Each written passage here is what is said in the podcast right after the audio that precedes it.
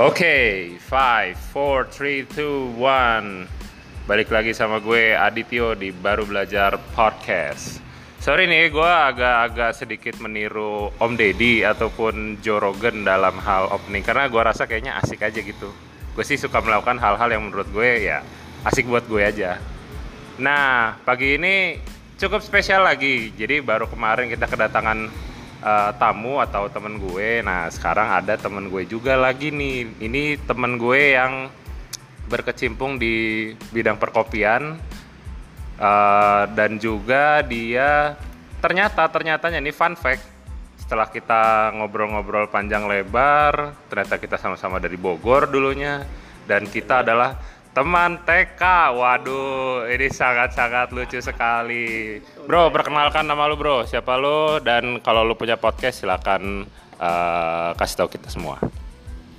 Ya, jadi nama saya Rian.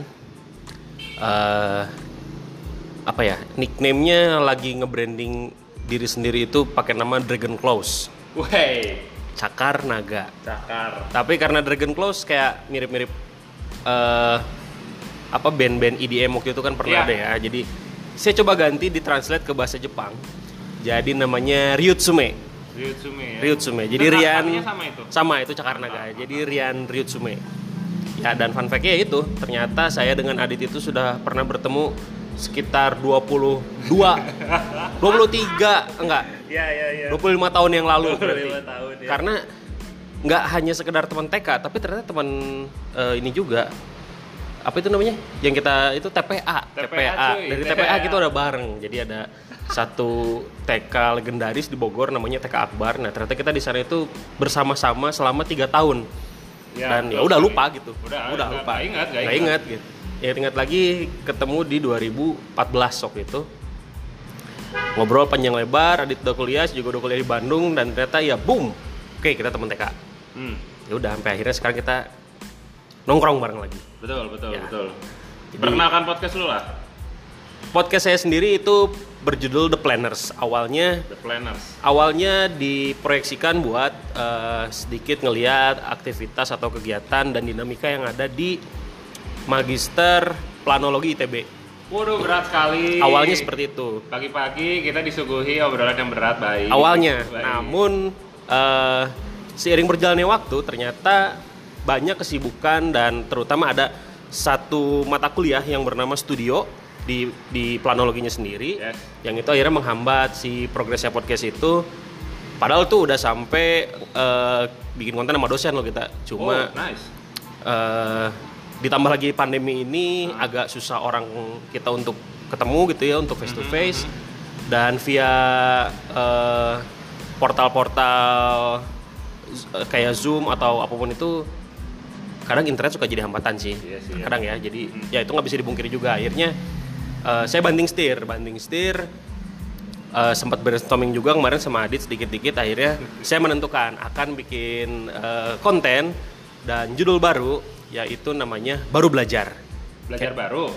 baru belajar Bela- baru belajar punya gua cuy. oh iya nah itu belajar baru jadi Belajar intinya eh, mungkin nanti akan banyak collab sih sama Adit ya terkait Boleh, boleh. terkait terkait terkait kontennya terkait apapun itu tapi intinya saya akan berusaha melengkapi apa yang nggak ada di podcastnya Adit Nah, Nice. nice. asik kan? Jadi kalau di Adit baru belajar, kalau di saya nanti bakal banyak belajar baru, Belajar apapun itu. Mantap, mantap. Oke, Dit. Oke, Rian.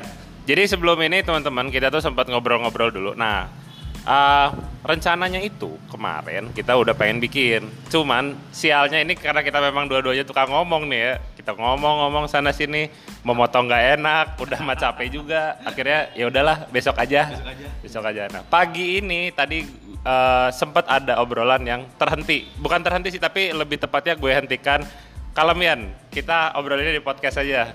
Nah, cerita apa itu Yan? ini menarik nih. Jadi dulu gue sempat kerja di eh, kontraktor. Kontraktor. Apa tar, tar maksudnya kontraktor tuh gimana lu pindah-pindah rumah gitu? Ya, bukan. Oh, bukan. Kontraktor.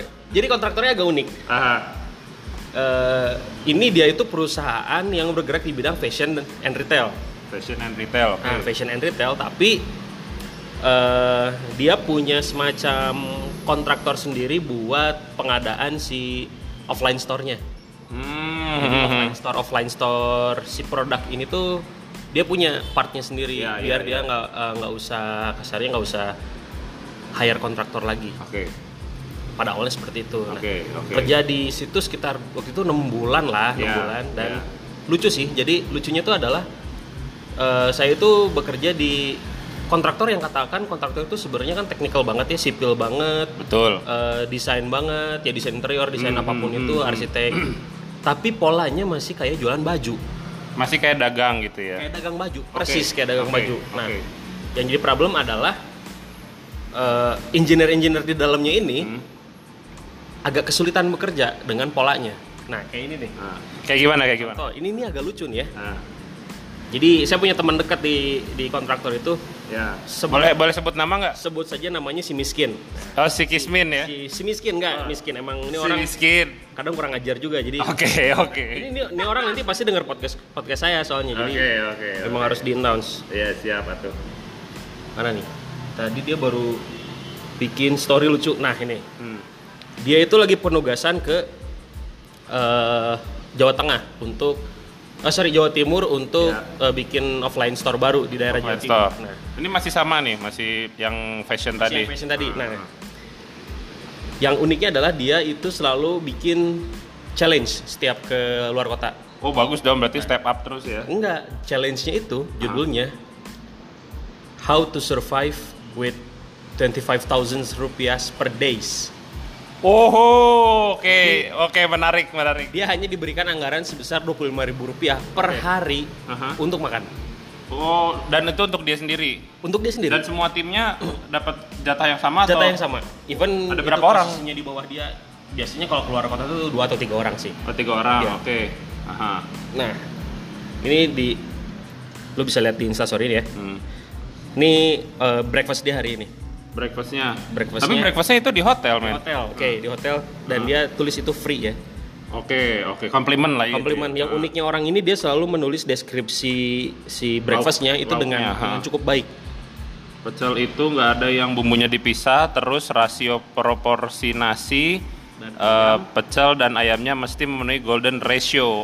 Oke, oke. ya emang golden emang ratio. agak aneh orang ini sebenarnya Emang agak aneh ya, unik ya, unik ya.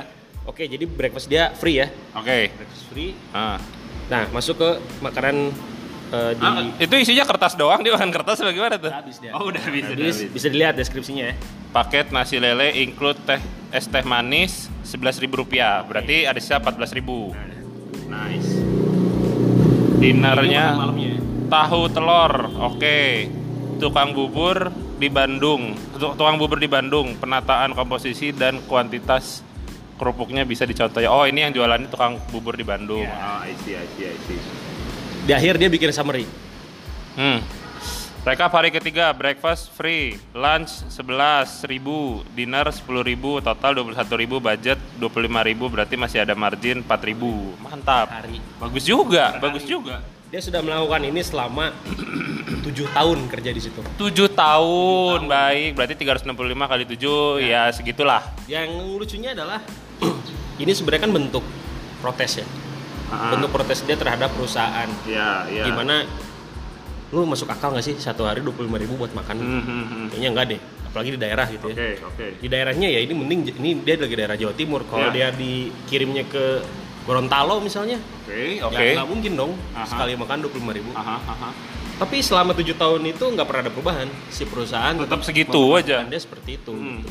artinya ada sedikit ke apa ya bukan kesombongan apa ya Hmm. disebutnya ya, kayak jumawa gitu bahwa perusahaan tuh menganggap ya lu yang butuh sama gua jadi ya udah lalu nurut-nurut aja gitu mau dikasih Hmm. segitu juga nah itu akhirnya banyak kultur-kultur jelek yang berkembang di di di di, ko- di kontraktor itu Hmm. yang akhirnya banyak si pegawai juga yang main samping sendiri gitu Oh, karena ya kurang lebihnya lapar lah ya. ya kasarnya lapar ya Hmm. tapi kan pada pada intinya adalah perusahaan tuh nggak bisa ngelihat bahwa kalau eh, si pegawai-pegawai atau si engineer-engineer Iya. ini pada main samping atau project lain Ya. sebenarnya produktivitas dari si kontraktornya itu sendiri Betul. menurun gitu. Iya, iya, iya, iya, Artinya iya. ada cost lebih lagi yang harus dikeluarkan buat nutup overhead dari si betul. turunnya betul. produktivitas itu. Gitu. Ya udah mah ada defisiensi, Nah. Iya. udah gitu banyak juga loss di situ Yup. kan dan juga yang lebih parah kalau misalnya sampai terjadi scam di situ Nah kan. itu itu udah banyak banget terjadi Oke.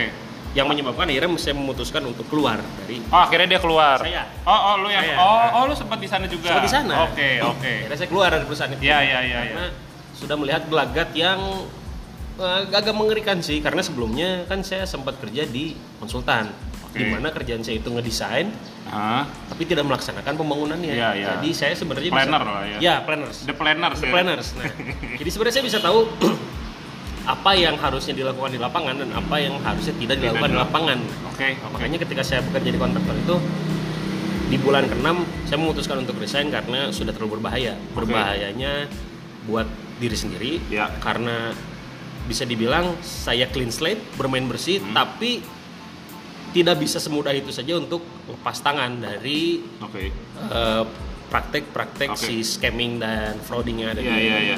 kontraktor itu. Nah, oke oke. Gua gua ada pertanyaan nih dan ini gua eh, penasaran banget. Jadi bilanglah memang lu dalam sehari dikasihnya 25.000 ribu Hmm. tok wes gitu ya. Nah, eh, kalau itu kan uang makan. Kalau misal dari sellernya sendiri sebetulnya sudah mencukupi atau belum?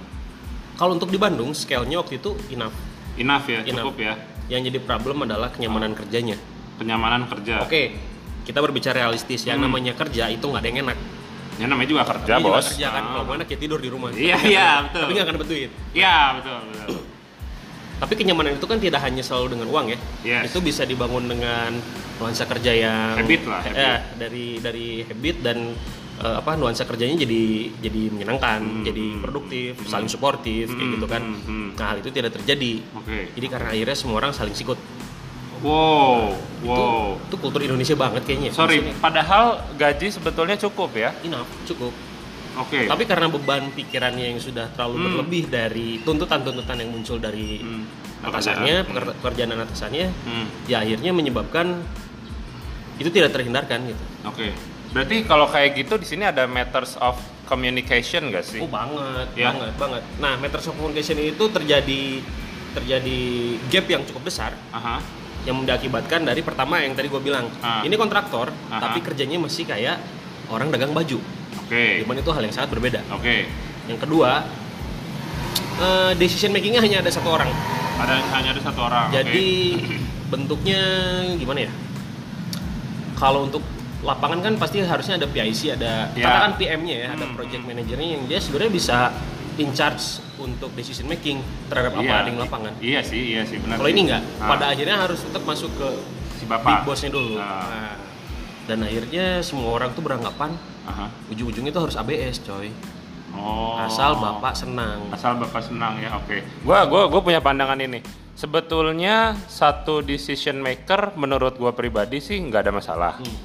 Asal si eh, ya si bapak A ini itu bisa menyesuaikan dengan eh, aspirasi eh, bukan aspirasi ya maksudnya me- me- memastikan eh me- menyesuaikan dengan insight dari para timnya. Maksudnya gini, kayak gue gua ambil contoh sedikit lah di sini di gue di Sunnyside ini kebetulan gue juga adalah uh, single decision maker sebenarnya nggak single sih gue sama istri gue gitu nah tapi gue selalu menyesuaikan dengan teman-teman di sini butuhnya apa Nah. jadi bukan berarti yang menurut gue bagus harus dilakukan kalau menurut gue bagus gue akan florin dulu ke mereka guys ini gini gini gini gini gue mau bikin gini menurut lu pada gimana apakah lu ada komen atau ada kritik atau menurut lu ini udah bagus gue make sure dulu mereka punya eh, apa namanya masukan masing-masing kan bang ini bagusnya gini bagusnya gini nah itu akan gue seleksi lagi mana yang oke mana yang enggak dan sampai akhirnya eh, kita bermusyawarah lagi ya Iya. kita ngambil ngambil cara-cara yang sederhana secara Indonesia lah gitu iya. musyawarah maksudnya gue udah bikin nih nih guys gue bikin gini yang masukan lo kayaknya gue nggak bisa karena gini gini gini Iya. gini tapi ada yang masukan si ini gue bisa masukin gitu Tapi secara objektif kan. tapi secara Nah, objektif. oke. Nah, kalau kalau di lu tuh bedanya gimana? Hmm. Waktu tempat kerja gua dulu sih nggak gitu. Yang jadi problem adalah eh, big bossnya ini bisa dibilang fucking lucky bastard sih. O- Oke, bloody bastard ya. Bloody bastard.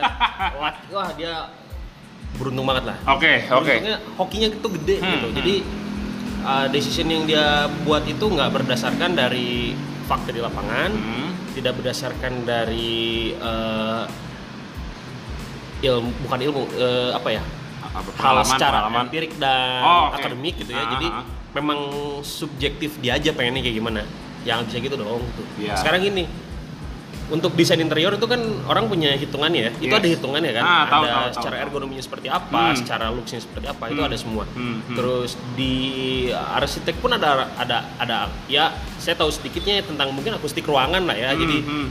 bagaimana sih ruangan yang proper itu dibentuk itu seperti apa Betul, gitu. betul, gitu, betul. ya. Apalagi kalau udah masuk ke sipil Iya, ya bangunan lu gede mau semua iya, kan. iya kan gitu lu mau bikin bangunan dengan ketinggian sekian ya berarti kolomnya gedenya harus sekian dengan Ah. kualitas beton kak sekian gitu Iya, iya, itu iya. nggak bisa ditawar-tawar kan kayak gitu-gitu tapi dia Setuju sih. terkadang hanya cuma kok kelihatannya gini ya nggak enak dari ganti Oh, oke. dari itu udah di tengah perjalanan proyek itu berlangsung gitu Oh, berarti kesimpulannya adalah si Big Boss ini dia tidak melihat secara holistik ya. Maksudnya dia melihat secara mata. Tapi dia tidak ya, dia tidak melihat secara analisis yang eh, ya empiris tadi itu kan. Oke. Nah, terus ah, ini sebenarnya oke kalau masalah masalah itu kayaknya gue udah cukup tahu ini kayaknya hmm, masalahnya ada di komunikasi. Cuman gue yang pengen tahu adalah lu tadi sempat mention si jualan ini kayak dagang baju. Nah, itu yang dimaksud dengan dagang baju tuh gimana sih? kalau bikin proyek ya sorry kalau proyek proyek konstruksi Hmm, itu kan dari awal sudah direncanakan ya pasti, pasti. ada shop drawingnya, Mhm. nanti ada analisis perhitungannya, Hmm, hmm. terus nanti muncul eh, BOK dan RAB untuk pelaksanaannya, Mhm. gitu kan. Jadi semuanya itu sebenarnya sudah terstruktur, Oke. sudah ada sistematikanya gitu. Kalau di akhirnya nanti ada eh, selisih biaya Iya. pengerjaan, ya itu berarti bentuk efisiensi. Ya, either itu eh, lebih besar ataupun lebih kecil ya. betul. Ya. Nah, dan eh, apa? Pro proyek itu makin lama, maksudnya makin lama eh, dikerjakan ya, Mhm. ya makin rugi dong. Karena kan Pasti, ada- pasti. Ada, fixed cost hitungan bayar tukang dan yang lain-lainnya gitu. Ya. Fixed cost yang memang itu harus berjalan terus kalau proyek itu berjalan. Ya, ya, ya. Nah, dia itu menganggap mending kayak gue tuh dagang baju, Oke. produksi sebanyak-banyaknya di awal, Ah. ya terus bodo amat Hmm. Bodo amat tuh artinya Pro- kalau udah ada produksi ya tinggal disebar aja barangnya Oke, berarti kalau kayak gitu secara strategi juga agak bias ya. aneh makanya gitu aneh banget itu Oh. kalau menurut menurut gua aneh banget Iya, iya. sekarang iya. gini eh, baju tuh kan ada eh, sorry baju atau desain Hmm. desain desain fashion itu kan ada artikel per berapa bulan per berapa bulan Oke, kan. oke, oke. ketika dia udah produksi Mhm. disebar ke beberapa store dan store online gitu Ya. ya terus eh, apa selling Ya. nanti kan pasti kalau artikel itu udah mau habis diganti artikel yang lain Benar, benar, benar. biasanya barang ini didiskon kan Iya, iya, iya. nah sekarang iya, Hmm. kalau iya. misalnya project lu nggak mungkin didiskon dong makin lama tuh di- dikerjakan ya kalau numpuk itu nggak akan bisa didiskon Hmm, yang ada ya harga konstruksi lu makin naik jadinya gitu betul, betul, artinya modal yang di eh sorry cost yang dikeluarkan untuk membalikin modal si project konstruksi itu ya makin betul. besar gitu bertambah ya. gitu Oh, oke oke oke. Ini sebenarnya agak-agak repot juga sih ya. Repot. Repot. jadi ada banyak orang yang tidak ber- berdiam atau berdiri pada posisi seharusnya yang ada di sana gitu Ini kayak gue sering denger nih cerita-cerita kayak gini nih. bukan right man in the right place ya. Iya iya iya. Ya totally totally wrong gitu. Iya benar. Tapi kalaupun misalnya si big boss lu ini adalah anggaplah dia adalah gua gitu, orang yang tidak paham, Ya, tapi at least mau mendengar. mau mendengar, Mau kamu men- percaya sama orang. Ya, ya minimal gua harus percaya dan gua kalau gua sih ya gua lebih meskipun itu orang bikin salah ya nggak apa-apa. Ya. bikin salah nggak apa-apa yang penting apakah kesalahan ini apalagi kalau ngomongin di konstruksi ya merugikan mencelakakan atau tidak kalau misalnya mencelakakan lo harus cepet-cepet ganti karena konsekuensinya A B C Ya. gitu oke oke karena gua gua pun kalau misalnya dia melakukan kesalahan dan dia tidak bisa eh apa namanya dia tidak bisa menjelaskan bahwa ini tuh seperti apa gue juga akan cari ahlinya gitu gue akan tanya kepada ahli Ya. Nah, ketika ahlinya sudah datang, yes itu cuma jadi angin lalu. Jadi ah- ahlinya datang, dia eh, mengeluarkan pendapatnya tentang Ya, tentang harusnya seperti apa gitu. Seperti apanya gitu ya, misalnya, oh ini harusnya kalau mau lihat terlebih luas, eh, lihat Hmm, kelihatan lebih luas gitu ya ruangannya, ini harusnya bentuk bentuk showroom itu gini gini gini gini. hmm. udah dibikinin lagi gambarnya nanti pada akhirnya "Eh, nggak cocok nih sama kepengen saya Ah, oke. jadi intinya ya mau ngapain lu hiring si ahli itu gitu Oke, padahal si, ha- si si ahli ini sudah akan me- menerapkan efisiensi optimalisasi di dalam proyek itu ya. Itu. padahal estimasi da- eh sorry optimalisasi dan efisiensi di proyek konstruksi itu luar biasa Benar, itu gue setuju Kalau sih, jadi- itu gue setuju. ya maksudnya kalau tembus si efisiensinya itu wah uh, Benar. untung gede gitu. Benar, benar. Karena ini pengalaman gue ketika gue kerja sama eh, nggak usah belum arsitek sih levelnya dia masih desain interior, desain interior sama yang memang notabene tukang on the street gitu. Iya. Tukang yang eh, memang biasa di jalanan Iya. gitu ataupun mandor yang naik level dari tukang. Iya. Itu gue bisa kelihatan banget men, terutama dari segi waktu. Terutama dari segi waktu. Bukannya gue mendiskreditkan tapi mungkin dia belum dapat eh, knowledge soal time is money ya betul gitu jadi dia hanya lihat maninya dia mungkin lupa soal time-nya Iya. nah gue kan kadang-kadang mau ngasih tau juga nggak enak tapi sedikit-sedikit gue kasih tau juga kalau lu kerja sama gue kayak gini-gini gini sampai akhirnya dia paham ya ya udah Ya, gitu betul. oke dan sekarang lu akhirnya udah resign dari Nah, situ ya resign. itu lu resign kapan tuh Lulusan 2000 2019 Ah. bulan oh tahun lalu dong ya Iya. 2019 bulan Februari. oh Februari Februari. Terus luntang lantung nggak jelas. Ya nggak luntang lantung nggak jelas sih. Kan gua ngurus Dejima juga ya gitu. oh oi Dejima Dejima Sambil ya ongoing Dejima waktu itu Mhm. berjalan juga. eh, entah kenapa ada satu kayak ngerasa ini di depan ada kesempatan nih. yes Ada kesempatan ya. Mhm. Kalau nggak diambil sekarang ini bisa hilang selamanya.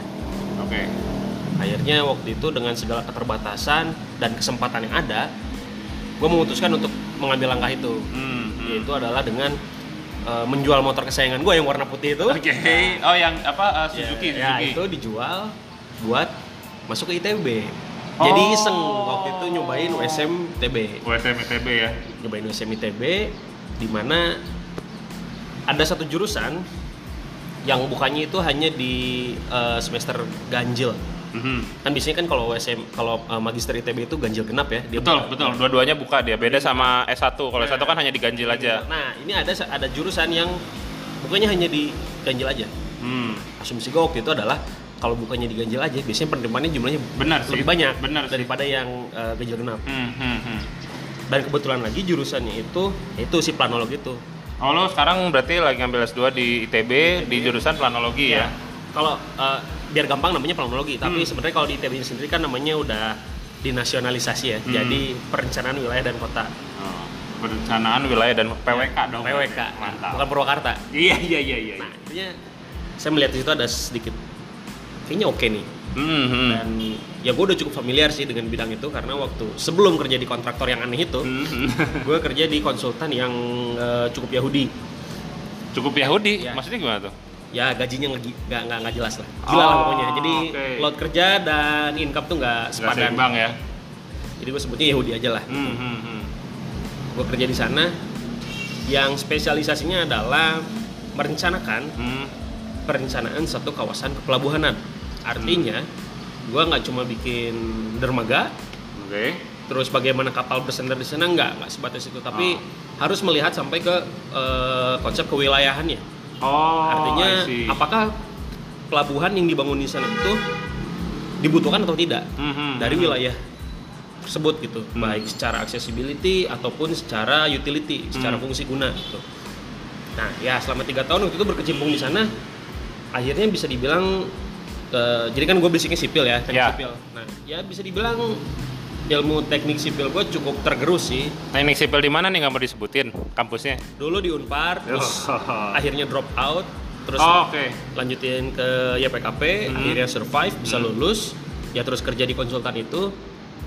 Mungkin yang sedikit masih ada relasinya tentang ilmu airnya ya, hidrologinya Hmm, hmm, hmm. masih banyak kepake waktu itu. Tapi kalau secara general civil engineeringnya udah cukup tergerus tuh sama si oke. eh, proses proses perencanaan wilayah itu sendiri. Hmm, hmm, Jadi akhirnya ya, ya tiga tahun cukup terbiasa dengan proses perencanaan wilayah akhirnya, Hmm. ya kenapa enggak nih lanjutin ke ITB gitu kan Iya, benar. sekalian ada sedikit gengsi juga sih kayak Ya, ITB gitu loh. bukan bukan gengsi Oh, oh, ITB-nya tapi lebih gengsi ke kayak waktu S1 gue di drop out Oh, I Terus- see. Ya, ya, ya. orang tua tuh s- kehilangan sedikit drastis lah. Hmm, hmm, hmm. Orang tua tuh jadi melihatnya ah dulu juga lu kuliah drop out gitu. Hmm, hmm, hmm. Ini sedikit membuktikan aja, ini bisa nggak nih masuk ITB? Eh ternyata masuk.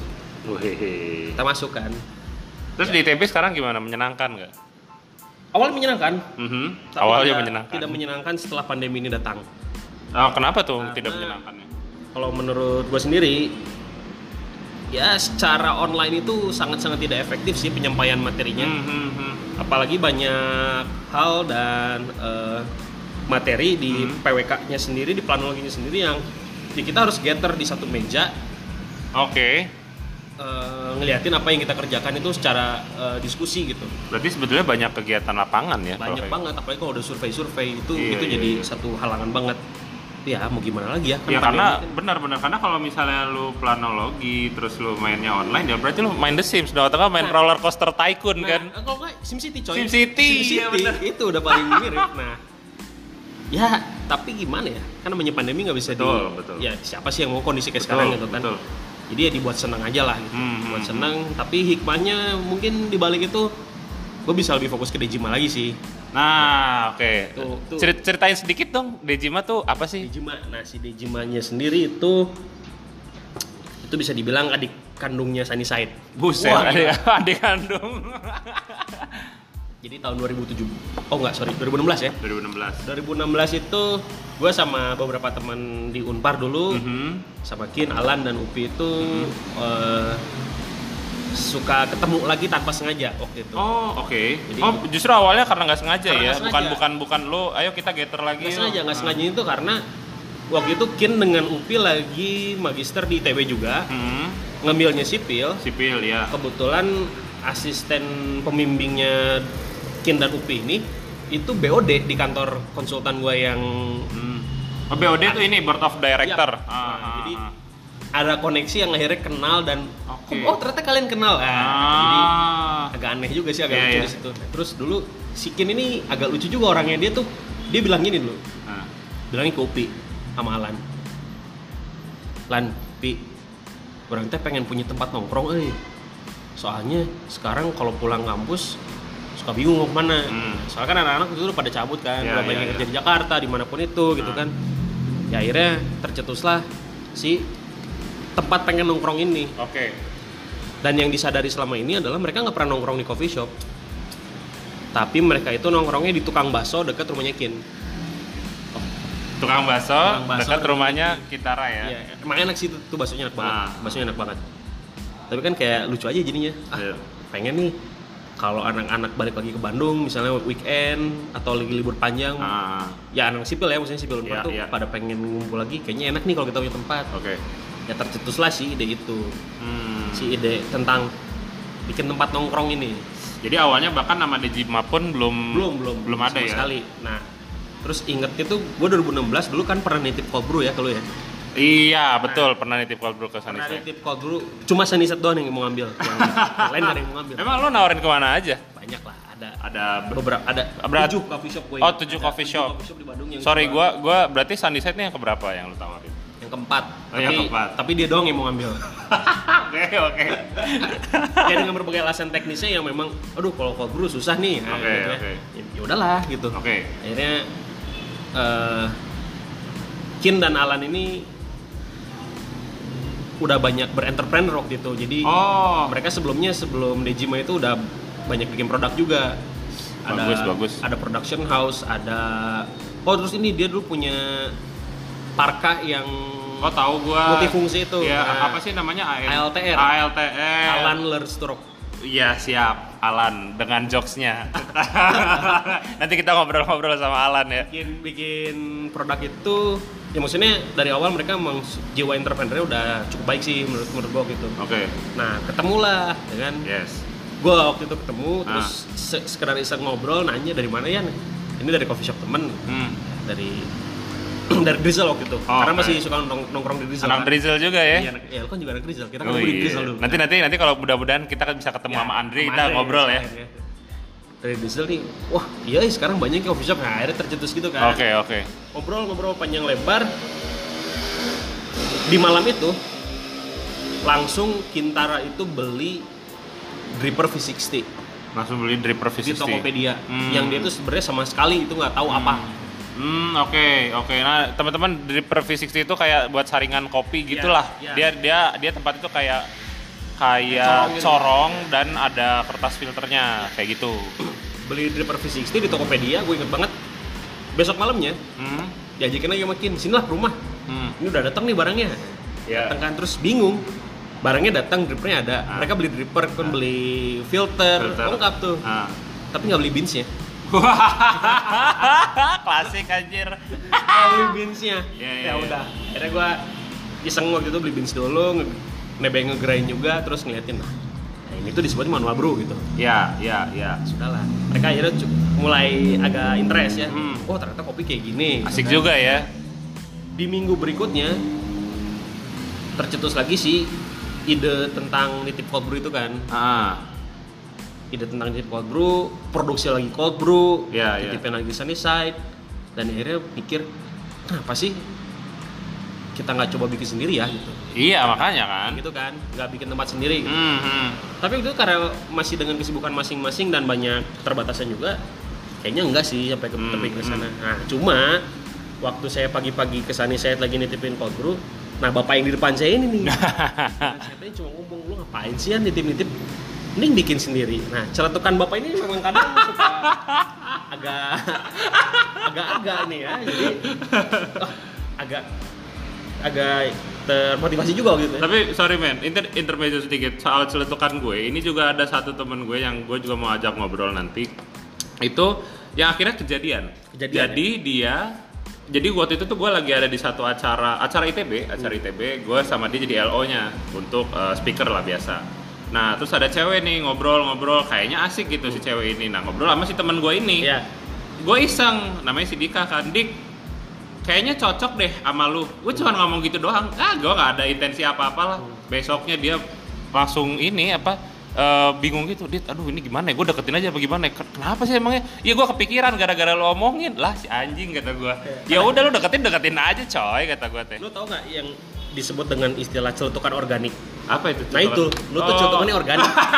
oke oke oke Organik jadi emang nggak ada intensi apa-apa, tapi ya itu mengalir begitu saja. Iya dan gue pikir juga maksudnya celutukan itu eh, apa ya niat-niat awal itu kan ya gue pikir itu baik gue rasa baik Ya. buat elu gitu Ya, karena ya. kalau gue rasa itu jelek pun gue pasti akan berpikir-pikir dulu atau gue akan konfirmasi dulu sama Ya. lu nah cer- singkat cerita si Dika ini akhirnya jadian men sama Ya. si cewek itu maksudnya jadi kayak oh gitu ya Bisa kan ternyata kan? bisa nah, Nah, baik lagi ke Dejima tadi sampai sampai mana gitu sampai kenapa sih lu nggak bikin aja? ah sih? ya akhirnya lu bikin Ya mungkin udah jalanin juga kali ya. bisa jadi sih bisa jadi Tiba-tiba ada saudaranya Upi nawarin tempat.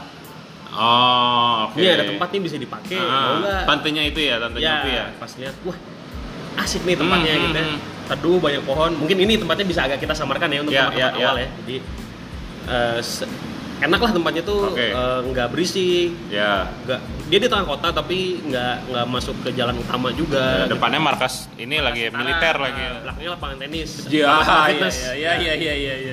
Kayaknya tahu nih orang-orang ini. Ya udah lah ya. ya udahlah akhirnya kita running di situ. Akhirnya lo running. Running dengan eh, nama brand kita itu baru muncul sekitar tiga malam sebelum kita mau Running. konstruksi waktu itu. Hmm, hmm. Nah, mau konstruksi. Pas lagi brainstorming nama, semua tuh semua punya ide masing-masing. Hmm, namanya Anu, Anu, Anu, Anu, Ah. Anu. Cuma waktu itu gua agak sedikit ego sih, ego tentang kejepang-jepangan gua. Oke. Jadi gue itu ke Jepang-Jepangan tapi nggak mau disebut wibu. Ah, tapi lo ego lo ini lo eh, kali eh lo kalibrasi, lo elaborasi dulu Ya, kan kata teman dielaborasi lo. Lo dulu. tidak seperti Big Boss yang tadi kan? Tidak, tidak. Jadi, ya ngobrol kan karena Iya. ngobrol terus mungkin ada udah di bawah alam sadar kali ya tentang kepelabuhanan ini Hmm, hmm, hmm. itu hal yang sangat gue benci, Mhm, benci banget. mhm. Tapi Oke. mungkin udah ada di bawah alam sadar jadi Hmm. pelabuhan itu bakal selalu jadi akses Pelabuhan ya. pelabuhan ya kapanpun Hmm. bahkan eh, ketika terjadi perang satu Iya. negara itu bisa hancur kalau pelabuhannya yang hancur bukan Iya, iya, iya, bukan iya. lapang terbangnya bukan Iya, iya. bandaranya tapi pelabuhannya yang hancur Betul, karena histori dagang kita juga Indonesia se- secara sendiri pun kan banyak banyak eh, apa ya keluar masuknya itu lewat pelabuhan. Lewat pelabuhan. Karena dulu kan belum ada Belum ada. pesawat. nah akhirnya kepikiran kepikiran secara organik nah, Mhm. kepikiran Jepang pelabuhan paling tuanya apa ya? Oh, lu cari pelabuhan paling tuanya. Oke. Ya, gue cari pelabuhan yang paling tua di Jepang. Kenapa yang paling tua? Ah. Karena yang paling tua ini pasti punya sejarah tersendiri. Iya, benar sih. Sejarahnya bener itu sih. luas ya. Ah. Dia bisa dalam bentuk apapun. Aha. Dan kalau kita baca sejarah dunia, Ah, eh, sejarah yang terjadi di dunia itu diawali pasti dari pelabuhan dan perdagangan. betul, betul, betul. Setelah di browsing muncullah nama Dejima ini, frase Dejima. Hmm, hmm, Dejimanya sendiri itu adalah pelabuhan tua hmm. yang ada di kota Nagasaki. Jadi kalau ngelihat petanya Jepang di Pulau Kyushu itu yang paling bawahnya. Hmm, hmm, Agak-agak hmm. bawah tapi nggak belum di Okinawanya, masih di Pulau Utara. Oh, berarti ini bukan kota ya, Dejima ini nam- memang Jatuhnya- nama pelabuhannya ya? nama kalau di kita itu kayak kecamatan. Oh, kecamatan. Bu- Kayak kecamatan ya. oh, Kan kalau- iya iya iya. Kalau Jepang kan sistemnya prefektur kan, Hmm. provinsi itu prefektur, Iya iya. kota, kemudian distrik. Betul, Nah, betul. Dejima ini bagian distrik dari Distrik. si Nagasakinya. Berarti kayak Tanjung Priok gitu dong ya? Ya. Priok tuh kan itu juga kecamatan bukan sih? Ya, jatuhnya kayak gitu. Oh, Dia ada oke. di Jak- Jakarta Utara kan Ya. posisinya, nah kayak gitu. Namanya Priok terus di, karena ini Tanjung jadi Tanjung Priok Nah, gitu. Oke oke Akhirnya oke. ketemulah sih nama Dejima ini. Ah, Wah, cuma muncul Dejima doang kan? Ya, ya. Dan banyak eh, artikel dan apa namanya eh, jurnal yang berbicara tentang Dejima Hmm. Akhirnya saya, ya gue buka satu-satu. Hmm, Buka satu-satu dilihat ternyata bagus juga ya. deep sih sebenarnya ditanya. Deep banget Jadi ya. Dejimanya sendiri itu mulai dibuka, dioperasionalkan setelah zaman Edo, setelah ya setelah restorasi Meiji lah, Hmm, dimana Jepang baru ngebuka dunia dengan eh buka pintu dengan dunia Barat, hmm. yang si dunia Barat itu masuk ke Jepang itu ya lewat Dejima. Oh, eh sorry kalau zaman itu tuh berarti tahun berapa tuh? Before century atau Enggak, udah Hmm. enam- udah Masehi ya? 16 16, Masehi. 16, ya 16 40-an, 16 50-an waktu itu. Oh, 1640. Ya. Oke, oke. akhirnya masuk ke sana si eh, dunia barat atau mungkin eh, familiarnya kita sebutnya kolonialisasi barat itu Kolonial, masuk ya, ya, ke ya. Jepang itu dari situ. Oh. Makanya kalau mungkin nanti bisa di browsing itu ada namanya The Black Ship Tragedy. The Black Sheep Tragedy. Nanti Ah. bisa lah itu browsing tentang itu nyeritain pertama kali gimana orang Jepang itu ngelihat ada hal dari dunia barat yang datang ke sana itu Oke, di oke. sana. Nah, Nah, kalau berbicara dunia barat dan nyambung ke kopi, Ah. itu kan relate sekali ya. Betul, betul. Karena diri kita pun kopi yang bawa tuh orang Belanda kan, Iya ya. ya kan? Dari dia waktu itu Dari- bawahnya dari mana sih? Eh, yang bawa tuh VOC Heeh. ketika masuk Heeh. itu ngelihat Indonesia bisa di Ditanamin kopi ya. tanamin berbagai macam Ah, ah, ah, jenis tanam. vegetasi Ah, akhirnya ah. mereka bawa bibit kopi Oh, oh dia hanya bawa bibitnya, dia belum belum bawa barang jadi ya. Belum bawa jadi. Berarti belum bawa barang bagus dong. Nah. Masih kelihatan bagus doang. Kelihatan bagus. Oke, oke. sama dengan si Dejima sendiri. Oh. Jadi oke. kopi, bisa dibilang kopi itu pertama kali masuk ke Jepang ya lewat Dejima. Oke. Nah, jadi- deep sih, deep sih, benar sih. Eh, message-nya adalah Dejima itu kita pengen jadi pelabuhan buat siapapun karena pelabuhan itu untuk siapapun ya Betul, betul, betul. dan di pelabuhan itu ada apapun gitu. Makanya tagline kalian selamat berlabuh ya. Selamat berlabuh. Oh, oke. di pelabuhan itu ada apapun artinya kayak kita bisa ngelihat satu perpisahan di sana Oke, betul, bisa betul. ngelihat eh, Kedatangan dan kedatangan perpisahan. gitu ya Berarti Ada- arrival dan departure ya, itu ada, di situ ya. satu awal dan ada satu akhir di sana gitu apapun itu gitu ya Oh. kita bisa memulai sesuatu yang baru di sana ini dejimanya Betul, kita betul, bisa betul. mengakhiri Mm, mm, sesuatu yang ingin kita akhiri di Mm, sana gitu mm, jadi mm. ya cukup deep sih mm, maknanya itu mm. kita pengen jadi pelabuhan buat ya orang-orang yang mau ngopi, yang mau memulai sesuatu baru, yang mau meninggalkan sesuatu yang mungkin dia ingin tinggalkan gitu. Ya, ya, itu ya. bisa di Dejima. Oh, Akhirnya oke. diambil nama itu. Jadi lo lo lo mengambil prinsip pelabuhan ya. Ini menarik banget sih. Maksudnya gue juga belum pernah denger eh, Dejima. Gue pikir Dejima adalah sekedar kata-kata dari Jepang gitu ya, Iya. yang berarti apa? Oh ternyata Dejima itu adalah kecamatan. Ya, kecamatan, distrik ya. Technically dia adalah kecamatan, terus eh, karena dia ada pelabuhan lo jadikan nama coffee shop. Ya. Berarti nama coffee shop lo Dejima Coffee ya. Dejima Kohi. Dejima Kohi, oh Sekarang Kohi bahasa Jepangnya Ya, kopi. ya, kayak ya, gitu. ya, ya. Karena kalau bahasa Arabnya kan kahwa tuh. Kahwa. Bahasa Bisa Inggrisnya kofta kof- juga kan, gitu. Kofta juga, kafta, kafta bisa Ya. juga. Benar, benar, benar, benar. Akhirnya ya udahlah. Berjalan kita selama tiga tahun ini kan. Oh berarti udah tiga tahun, berarti dari 2017, dong ya? 2017, 31 April. Kudu, 31 April bagus, bagus, 2017. bagus, bagus, bagus. Jalanlah dengan berbagai dinamikanya, berbagai ceritanya, Ya. pindah-pindah tempatnya gitu. Oh, oh, kalian ada berapa kali pindah tempat? Kita berarti sekarang udah dua kali. Dua kali. Dari nah. yang di depan markas tentara itu, Ya. terus Eh pindah by the way ini di di di Bandung ya guys Bandung ya? semua, di Bandung semua. Terus pindah ke eh, daerah Pasar Kosambi, waktu itu di Mhm. Jalan Malabar Jalan Malabar. selama hampir 2 tahun dan akhirnya kita sekarang pindah ke Jalan Cirebon. Oh, oke. yang ya cukup prime juga sih sebenarnya jalannya Bagus cukup sih, bagus Mm. sih. mudah diakses tapi nggak berisik ya. Iya, ya, ah, ya, kar- karena yang gua gua temukan situ tenang sih. Makanya gua Iya. se- senang ke sana karena kalau di sini di Sunnyside ya lo tahu sendiri pinggir jalan BGT ya. Ya, pinggir jalan utamanya Antapani Pinggir kan. jalan utama dan banyak sekali pembalap di sini. Iya, pembalap. Saya suka cari Pembalap lokal itu kayaknya. pembalap lo- lokal racer. Nah, gue tuh suka cari suasana. Iya. Nah, gue cari suasana yang lebih tenang. Oh, ternyata Jejima memang asik ya sekarang. akhirnya sampai sekarang ya kita masih docking di sana Docking. jadi Docking ya. kalau coffee shop lain mungkin operational time kan Hmm. atau open hour times Hmm. kalau di kita disebutnya docking times Hmm, oke oke. buat yang mau docking di Dejima itu sekarang Iya. kita ready dari jam 8 sampai jam 10 Mantap. Oh, cuma 2 jam doang. malam Oh, jam 10 malam. Oke. pagi sampai 10 malam Berarti iya, tapi nggak cukup apa-apa lah. sih kalau buka 2 jam cuannya kayak sehari Eh, iya, nggak kayaknya apa-apa juga, pengen benar. juga sih gua kayak gitu Iya kan soalnya kalau gua ngeliat kayak tukang surabi men. Nah. Jadi gua tuh kebetulan suka lari jam 5 pagi. Si tukang surabi ini dia udah prepare mau opening di mana saya belum ngapa-ngapain. Eh saya masih lari pagi. lari pagi. Belum ada hal-hal yang bisa generate income gitu ya. Terus gua pulang biasanya kalau gua lari agak siang tuh ya sekitar jam 7 jam 8 gitu ya. Itu dia closing. closing kan Jadi dia tiga jam doang jualannya. itu sama kayak sate kambing Pak Mino yang di belakang gedung sate. Ah, kenapa tuh? Dia itu buka cuma dari jam 7 Ah, sampai setengah 10. oke. Kebayang kan? 2 jam setengah. Abis itu teh. Done. Sold out. Sold out. Shit, man. Bahkan gua pernah sama Kin ke sana jam Iya, 9. iya. Ah, Udah udah tutup udah tutup ya. karena habis. Oke. Ya lu kebayang gak sih? Ada gak sih orang mau jual sate kambing dan gulai pagi-pagi? Di mana mereka melakukannya ya? Dan mereka melakukannya gitu. Dan laku ya. Dan laku karena semua orang di Bandung itu ya kalau sarapan kalau nggak kupat nasi kuning. Iya.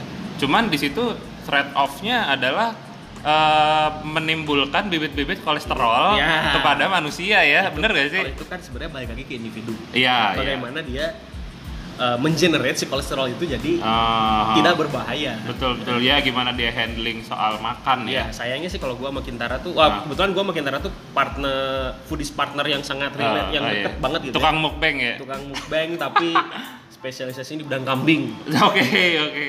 Sampai sekarang tuh jadi udah cukup mawas diri sih. Hmm, hmm, hmm, Kalau hmm. ke tukang sate kambing tuh kita udah tahu maksimalnya di berapa. Udah bisa ngurang-ngurangin lah ya. Ya, karena biasanya kalau lebih dari jumlah tusukan yang seharusnya Emang lo dimakan, biasanya berapa sih? empat tahun yang lalu masih kuat sekitar 60 tusuk sendirian 60 tusuk sendiri. Iya. Eh, sorry itu selap satu. gaji selap gaji Hah? selap gaji Maksudnya selap gaji jadi gimana? daging gaji daging Oh, oh campur lemak campur berarti. lemak Oke. masih kuat itu 60 4 tahun yang lalu 60 sorry itu 60 itu satu sesi makan. satu sisi makan sekali makan sate gue cukup kuat segitu dulu 4 tahun 60 ya? ah, lima- sorry 5 tahun yang lalu lah 2015 Gua ngebayanginnya aja lenang, men. Iya Apa kan? pusing gua ngebayang. kemudian seiring berjalannya waktu ah, kemarin tuh terakhir sama Sikin ke Pamino tuh gue makan 10 tusuk nggak pakai gulai pakai kuahnya doang sama nasi Ah, ah. udah nggak bisa berdiri coy Nggak bisa berdiri. sakit kaki gua cuma duduk di trotoar yang lain pada ketawa Ka- kapan itu? dua minggu yang lalu lah Anjir.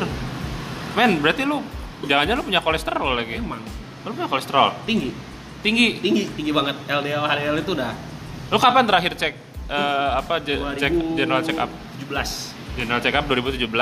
Itu lu eh, sorry, kebiasaan 18 18 18. Itu lu kebiasaan makan makan kayak setan pagi-pagi itu udah itu udah sekitar lima tahun lah nanti Oke. jadi oke. sekarang gue ya mengurangi gitu Oh, sekarang ngurangin. Berarti lu berarti lu merasa ini ya, merasa terganggu lah ya Masih dengan terganggu jadi Ap- apa apa yang lu rasain dari dari punya kolesterol yang tinggi itu? kemarin dua hari yang lalu tuh sampai sakit kepala beneran Ah, Sakit parah, kepala itu tuh parah.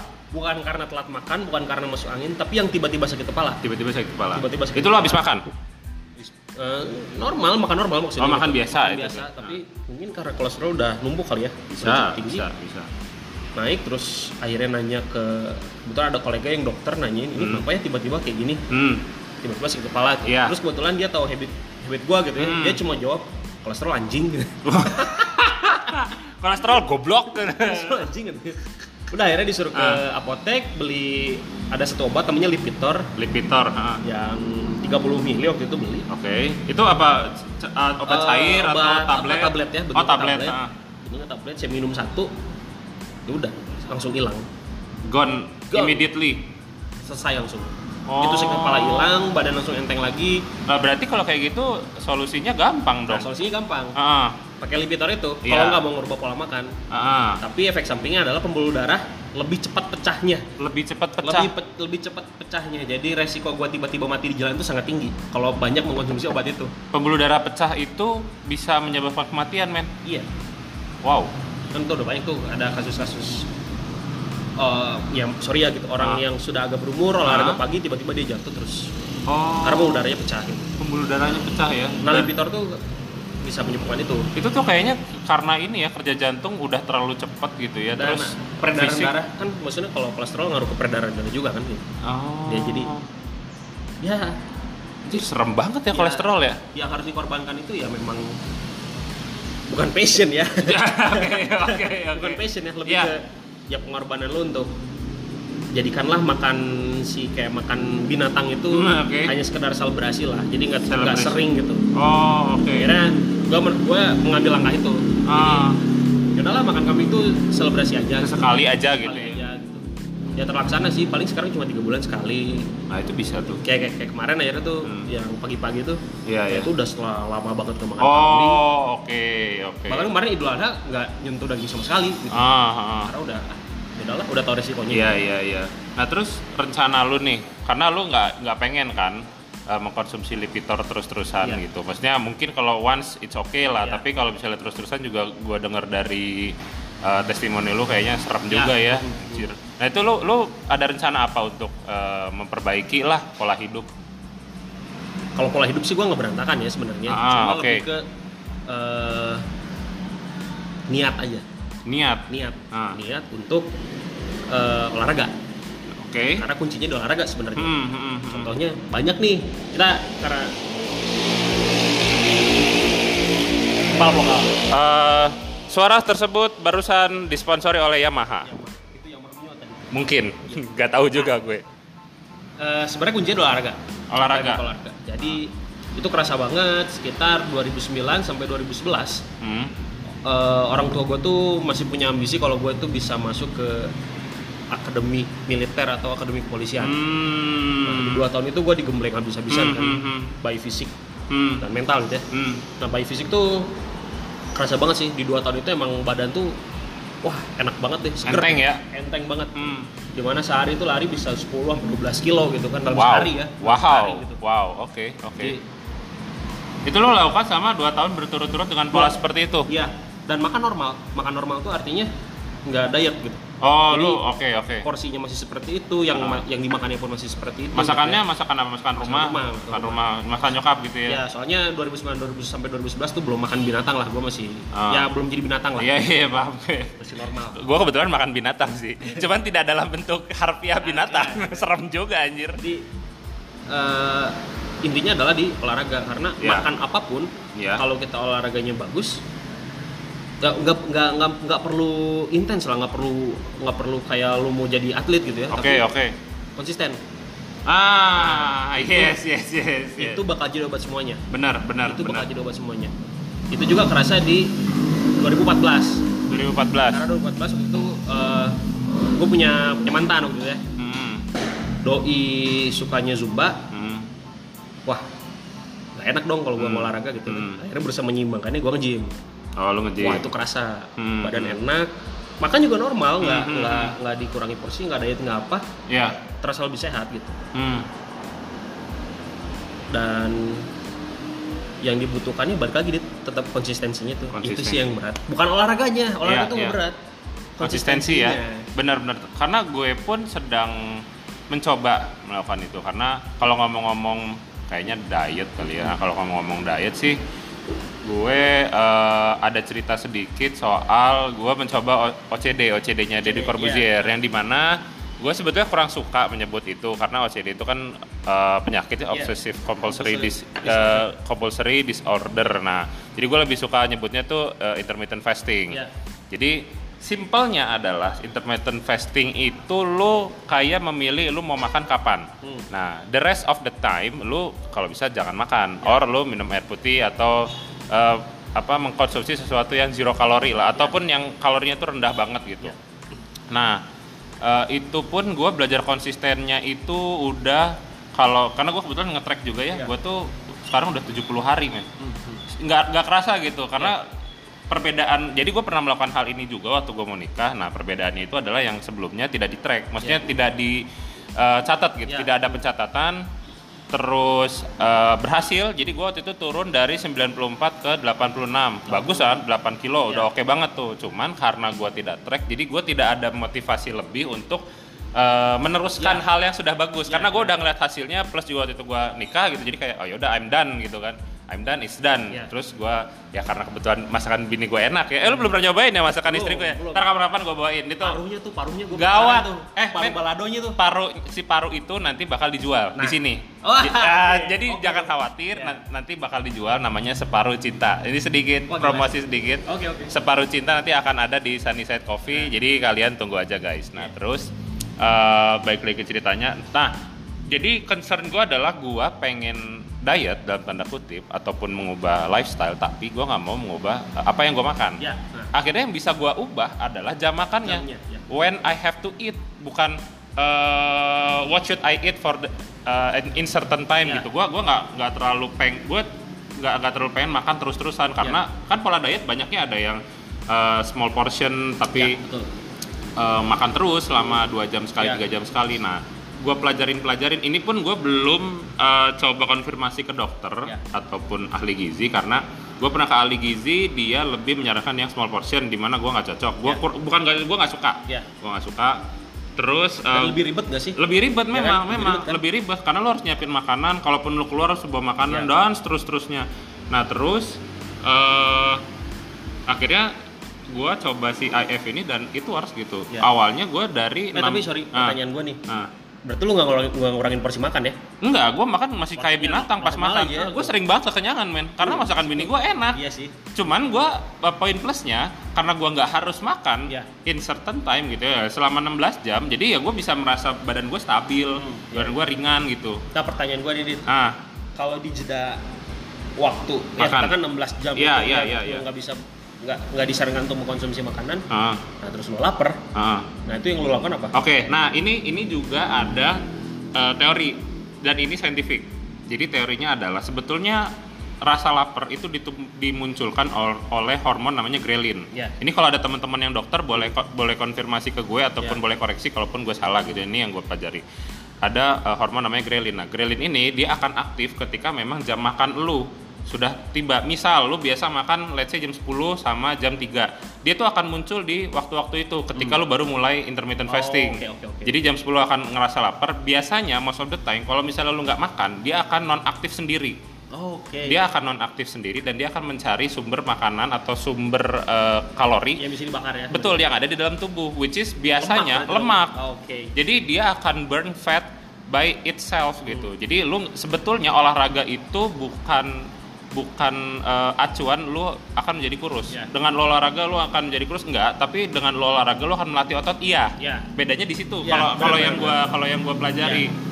Nah, terus nah ngomongin si hormon grelin, dia nanti kan jam 10 misalnya bilanglah jam 10 lu nggak makan, lu tahan aja, lu minum, minum, minum, minum, minum satu jam dua jam biasanya kalau gue hilang Hmm. hilang tuh nggak tahu kemana deh padahal gua nggak makan nggak apa cuma minum air putih atau mungkin gue cuma minum kopi hitam doang Hmm. gue cuma minum kopi hitam nah karena gue biasa makan jam 3 muncul lagi tuh jam 3 Hmm. muncul lagi jam 3 gue melakukan hal yang sama aja gua nggak makan lagi deh karena gua waktu itu ngeset pengen makannya tuh let's say jam 6 atau jam 7 malam Ya. gitu ya udah gua nggak makan Eh, rasa lapar itu pun hilang dengan sendirinya terus gue baru makan jam 7 nah lucunya pas jam 7 gue mau makan karena memang gue rasa gue harus makan itu gue nggak ngerasa lapar pas mau makannya Oke. tapi karena gue ngerasa gue perlu makan, Perlu makan, ya? perlu makan aja karena laparnya ya? bukan bukan karena ataupun gue udah ngeset oh gue pengen makan ini gue Iya. pengen makan itu nah gue biasanya kayak jadi jadi selebrasi gue tuh setiap hari oke, oke. Eh, enaknya di gue kalau misalnya gue coba seperti itu enaknya seperti itu cuman gue sih tidak menyarankan tiba-tiba lo langsung kayak 24 jam puasanya Ya. lo uh, step by step aja kalau misalnya pun susah cobain aja dulu 12 jam karena kan lo akan kepotong tidur tidur Iya. let's say lo tidur 6 sampai 8 jam kalau misalnya lo 12 jam berarti lo sudah korting tuh 8 jam. 8 Iya, jam, ya. sisanya tinggal 4 jam which is itu ringan banget sebetulnya cuman kalau lu mau coba push eh, boleh aja nah cuman kalau pengalaman gue biasanya lu akan kerasa ini eh lemes tapi sebetulnya lemesnya ini lemes yang bagus karena eh, badan itu kag shock nggak dikasih makanan Oh, dia iya, di harus awal-awal ya, di di awal-awal dan dia harus mencari makanannya sendiri shocknya cuma di situ doang jadi kayak anjing lah gue udah biasa enak Iya. disuruh usaha lagi nah biasanya kayak Iya, gitu, kayak gitu. nah terus eh, lama kelamaan sih gue juga nggak ngerasain itu karena gue yang gue ceritain tadi gue lari jam 5 pagi itu dalam kondisi perut kosong gue nggak nggak makan Oh, apapun oke, cuman oke, minum oke. air putih Iya. sama sedikit sholat subuh ya Iya. nggak sedikit sholat subuh gitu ya Dan satu dikit sih cuma dorong aja. Iya sih bener sih. Nah itu ya udah aja abis itu terus gue hari aja. Hmm, Dan oke. itu nggak ada nggak ada uh, masalah sama sekali gitu. Nah kalau gue sih pernah juga tuh 2018 pas Aha. yang mau general uh, check up itu ya. Hmm. Betul itu kan karena waktu itu lagi tes di satu institusi BUMN waktu itu. kan. Iya, iya, Nah, iya, Pas iya. mau general check up, gue udah tahu Hmm. pasti kolesterol tinggi nih. Oh. Dan oke. setelah ngukur berat badan kebetulan waktu itu udah over di BMI-nya tuh udah over. buset. Caranya adalah ya nurunin berat badan dong. Hmm. Tapi yang jadi masalah adalah waktunya hanya 10 hari. Hanya 10 hari. Hanya 10 hari untuk menurunkan sekitar 11 kilo. Oh. Gua harus buang 11 kilogram Mhm. dalam eh, 10 hari. 10 hari. Bentar. Oke teman-teman. eh, Rian bakal lanjutin ceritanya soal membuang 11 kg cuman di part 2 ya karena eh, waktunya udah mau habis. Oke. Jadi kita bakal lanjut di part 2. Oke, thank you Yan. Yo.